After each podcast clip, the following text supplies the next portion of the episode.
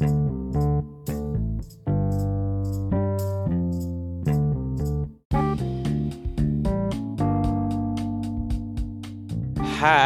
welcome back with me, your host right here, Pinepin, yang bakal menceritakan tentang mitos-mitos yang ada di kehidupan kita, yang ada di kehidupan bermasyarakat nih, mitos-mitos yang ada nih akan gue bahas satu-satu. So, di episode yang kedua ini gue akan ngebahas salah satu mitos yang paling sering banget gue dengar, paling sering banget gue tahu yang ada di kehidupan sekitar gue dan mungkin ada di kehidupan kalian juga dan gue akan ngebahas itu di episode 2 kali ini dan itu adalah cinta pada pandangan pertama asik gak? Jadi kali ini gue akan ngebahas tentang cinta pada pandangan pertama. Uh, apa pandangan gue terhadap kata cinta pada pandangan pertama? Itu yang akan gue bahas di sini. Jadi uh, yang pertama akan gue bilang, menurut gue cinta pada pandangan pertama itu nggak 100% juga benar dan nggak 100% juga salah gitu karena gue dulu gue juga sempat ngerasa kayak hmm ama uh, gue jatuh cinta nih sama pandangan pertama gue gitu loh tapi setelah ke sini sini gue kaji kaji lagi ternyata uh, itu cuman reaksi yang timbul dari diri gue itu ada ada ada fakta ilmiahnya juga. Jadi kayak ada reaksi yang timbul dari diri gue kayak gue deg-degan kayak gue gregetan gue gue malu gue tiba-tiba jadi malu gitu loh maksudnya. Itu sebenarnya ada reaksi kimia yang terjadi di otak kita gitu loh yang mengakibatkan itu. Dan se, se menurut gue e, sebenarnya itu bukan cinta pada pandangan pertama tapi lebih ke cinta pada pertemuan pertama. Kenapa gue bilang cinta pada pertemuan pertama? Karena khususnya untuk laki-laki jatuh cinta itu gampang banget. Nggak tahu nih laki-laki di sana-sana ini pada setuju nggak? Maksud gue untuk laki-laki untuk jatuh cinta tuh gampang banget. Gampang banget untuk jatuh cinta. Jadi kayak maksudnya kayak kenapa jadi cinta pada pertemuan pertama? Karena kalau cinta pada pandangan pertama pandangan berarti kan itu lebih ke visual lebih ke penglihatan kita terhadap lawan jenis kita gitu. Kenapa kita bisa ngerasakan jatuh cinta tadi? Itu karena ada reaksi kimia dalam diri kita yang mengakibatkan kita deg-degan gregetan kita tiba-tiba malu dan sebagainya. Itu terjadi secara alami gitu loh. Tapi bukan berarti kita jatuh cinta gitu karena kalau kita ngebahas cinta berarti kita udah ngebahas kenyamanan, kita udah bahas komitmen, kita udah ngebahas uh, sedikit banyak kita tahu dia siapa dan dia juga tahu kita siapa. Itu sudah bisa dibilang cinta karena harus ada step yang dilewatin untuk menuju ke sana gitu loh, untuk mendapat semua jawaban dari beberapa statement tadi gitu. Jadi kenapa gue bilang cinta pada pertemuan pertama? Karena kalau pertemuan, lu pasti berinteraksi. Karena kalau untuk pandangan, lu masih melihat. Jadi sebenarnya menurut gue, cinta pada pandangan pertama itu lebih ke ketertarikan ke lawan jenis gitu loh. Jadi lebih ke nafsu sih awalnya. Mungkin awalnya, awalnya mungkin bisa dibilang kayak cuman ketertarikan dari bentuk luar yang mungkin orang-orang sering bilangnya itu nafsu gitu loh. Cuman kalau cinta pada pertemuan pertama, jadi kalau nih mungkin ada ada sampel kayak lu baru ketemu orang baru dan itu lawan jenis lu, lu, lu ngelihat dia, lihat ya pandangan, lu lihat dia kayak lu bercermin gitu. Itu bisa jadi lu cuman baru dalam fase tertarik tertarik untuk mengenal mungkin untuk tahu dia siapa mungkin ya atau lebih ke nafsunya tadi gitu. Cuman kalau setelah itu lu pasti kalau emang lu mau dia sebagai laki-laki lu pasti akan berusaha mencari tahu dan bagaimana caranya lu bisa ketemu ngobrol sama dia untuk berinteraksi. Jadi ada keintiman yang terjadi gitu loh. Makanya gue bilang kalau untuk cinta pandangan pertama itu lebih ke cinta pada pertemuan pertama. Karena kalau udah pertemuan pertama uh, lu akan ngabisin waktu lu buat ngobrol bareng buat tahu dia siapa buat buat kenal dia siapa buat kayak setidaknya lu tahu yang yang yang dia mau tuh yang bagaimana gitu loh. Backgroundnya dia gimana kehidupan dia sebelum di situ itu bagaimana gitu. Sedikit banyaknya lu udah tahu dia dan dia juga bakal tahu lu siapa. Kalau lu kalau lu menceritakan lu tuh siapa gitu. Mungkin itu akan lebih terjadi interaksi yang lebih ngebuat kayak udah ke fase selanjutnya jadi kayak udah ke step 2 nya lu nyaman gak sih ngobrol sama ini orang gitu kayak lu nyambung gak sih ngobrol sama ini orang jadi lebih ke cinta pada pertemuan pertama dan itu juga nggak langsung lu ngerasa cinta sih mungkin lebih ke mungkin kalau dibuat persentase ya awal lu ngeliat dari 100% mungkin udah 20%, udah 20%. Terus kalau lu ketemu, lu ngobrol, lu tatap muka sama dia, eye to eye gitu. Itu mungkin udah sampai 70 80%, sisanya tinggal pendekatan selanjutnya gitu loh maksud gue. Jadi lebih ke pertemuan pertama sih, bukan pandangan. Karena kalau pandangan lu cuma ngeliat doang, men. Apa yang lu lihat itu bisa nipu. Ya gak sih? Menurut gue sih itu. Jadi opini gue tentang cinta pandangan pada pandangan pertama itu ya nggak 100% benar juga dan nggak 100% salah juga karena mungkin ya mungkin mungkin mungkin ada ada beberapa case kayak pandangan pertama nih lu nggak kenal dia dia nggak dia nggak kenal lu. Cuman di satu momen nih di satu momen lu lagi bareng teman lu dan dia lagi bareng teman-teman dia lu ngeliat dia dan dia ngeliat lu di mana satu kesempatan lu bisa kenalan sama dia like uh, satu atau dua jam lu bisa ngobrol bareng sama dia dan bisa meja dari teman-teman lu dia menceritakan tentang kehidupan dia dan lo menceritakan tentang kehidupan lo dan lo punya ketertarikan yang lebih dari sekedar penglihatan dari sebuah dari lebih dari sebuah pandangan gitu loh dari mata doang itu mungkin karena udah terjadi pertemuan pertama gitu loh. maksud gue pertemuan dalam arti itu interaksi sih. Kalau begitu mungkin bisa terjadi gitu loh. Jadi gak 100% bener gak 100% juga salah gitu loh. Maksudnya karena gue juga pernah ngalamin kayak gitu. Jadi kayak gue ketemu orang baru dia bareng teman dia gue bareng teman gue dan ada satu momen di mana gue bisa kenal dia gue bisa tahu dia yang tadinya gue cuman ngelihat dari pandangan gue ngelihat cuman dari mata gue bisa ngelihat dia sampai gue bisa berinteraksi untuk ngobrol sama dia. Setidaknya gue tahu nama dia. Gue tahu kesibukannya apa walaupun gak banyak ya maksudnya kayak dari 10 mungkin lu tahu dua atau tiga gitu. Tapi ya harus ada pertemuan pertamanya juga gitu loh bukan bukan cuman pandangan pertama aja karena gimana ya maksudnya kalau lu cuman ngandelin mata lu untuk sesuatu yang lu bisa bilang cinta itu terlalu terlalu naif sih. Kalau menurut gue itu terlalu naif. Jadi kayak emang sih kalau cowok tuh gampang tertarik untuk lawan jenis kalau untuk cowok sendiri. Tapi bisa jadi juga sama yang kayak gue bilang tadi uh, ada satu momen lu bisa kenalan lu udah ngobrol lu tukar kontak mungkin lu bisa berlanjut gitu loh. Mungkin lu yang berharap bisa berlanjut kali ya. Fleksibel sih kalau kayak gitu. Maksudnya ya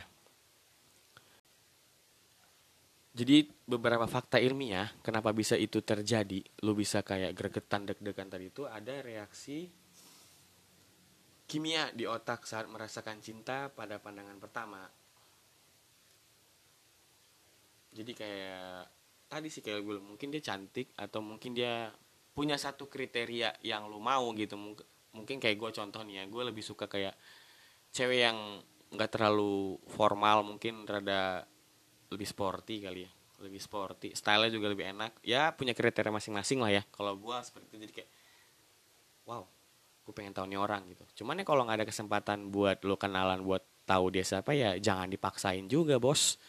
Cuman kalau lo ngerasa lo bisa ya do it gitu. Cuman kalau nggak ada momen yang bisa buat lo bisa berkenalan sama dia jangan terlalu dipaksain gitu jadi tujuh fakta ya ilmiahnya itu yang pertama ada reaksi kimia di otak kita yang merasakan cinta pada pandangan pertama itu yang tadi bikin kita gregetan bikin kita malu-malu bikin kita deg-degan dan yang kedua kenapa kita bisa mengatakan itu cinta pada pandangan pertama karena cinta pada pandangan pertama bisa muncul saat dirimu melihat orang lain seperti bercermin. Jadi kayak it's like you my mirror gitu loh. My mirror standing back at me. Jadi kayak gitu. Yang ketiga, fakta ilmiah itu cinta pandangan pertama tak seindah cerita-cerita yang pernah kita tahu lah. Maksudnya kayak di novel di di mana-mana itu maksudnya kayak belum tentu itu cinta abadi lu gitu loh. Karena itu tadi lu belum belum ada pertemuan pertama bos lu belum bisa berinteraksi lu belum bisa tahu siapa dia that's bullshit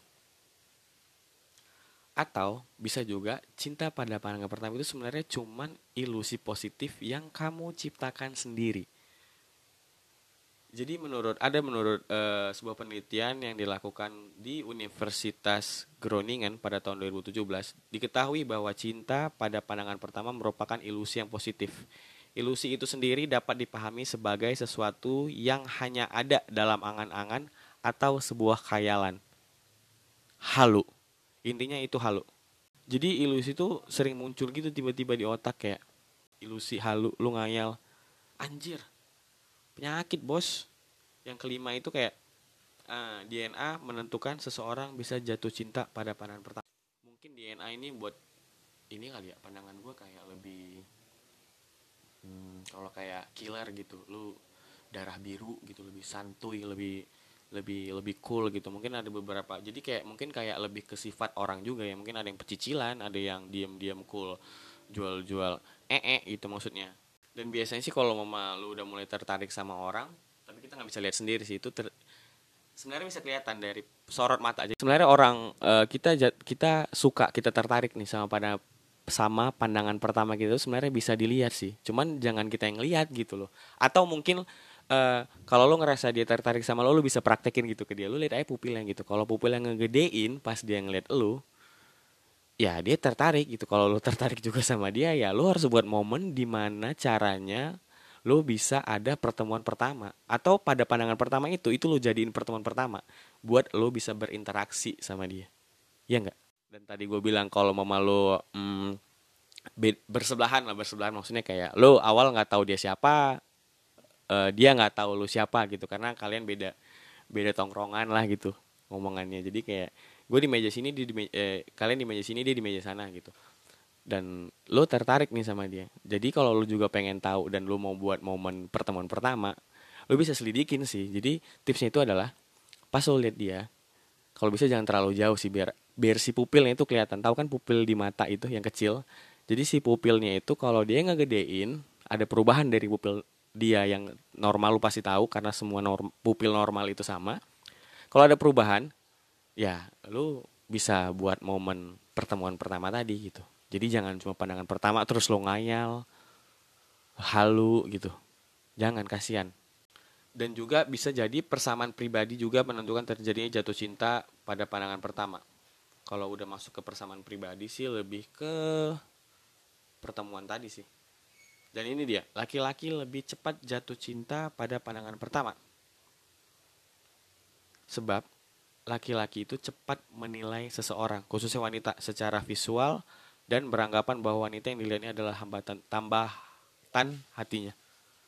Iya sih emang. Banyak sih seperti itu. Sering terjadi juga di kota-kota besar. Ya, jadi itu tadi juga beberapa fakta kenapa orang-orang sering bilang uh, love on first sight gitu maksudnya.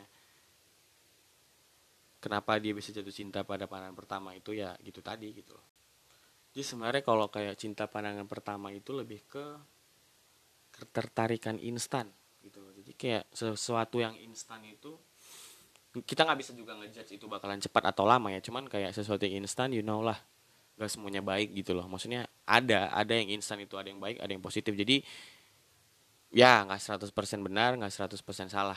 Jadi ya kalau kalian lagi merasakan cinta pada pandangan pertama umpama kayak lo habis ketemu sama teman-temannya lo eh sorry maksudnya lo habis ketemu sama temannya teman lo kayak lo lagi jalan sama teman lo terus nggak sengaja ketemu temannya juga and then you fall in love gitu.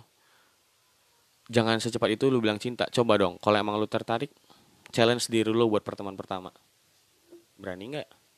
Kalau lo berani ada interaksi di situ lo tahu siapa dia itu lebih saik sih. Lebih saik gitu. Jadi ya udah mau tahun 2020 buat lo lo pada yang masih joms tetap semangat.